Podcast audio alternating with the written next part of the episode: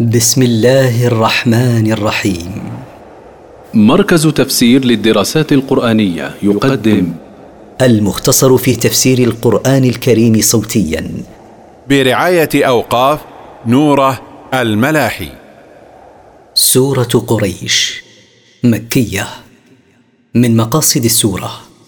بيان نعمة الله على قريش وحق الله عليهم. التفسير. لإيلاف قريش.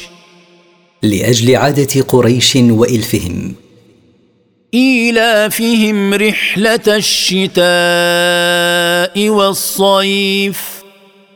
رحلة الشتاء إلى اليمن ورحلة الصيف إلى الشام آمنين. فليعبدوا رب هذا البيت. فليعبدوا الله رب هذا البيت الحرام وحده الذي يسر لهم هذه الرحلة ولا يشركوا به أحدا. الذي أطعمهم من جوع وآمنهم من خوف. الذي أطعمهم من جوع وآمنهم من خوف بما وضع في قلوب العرب من تعظيم الحرم وتعظيم سكانه.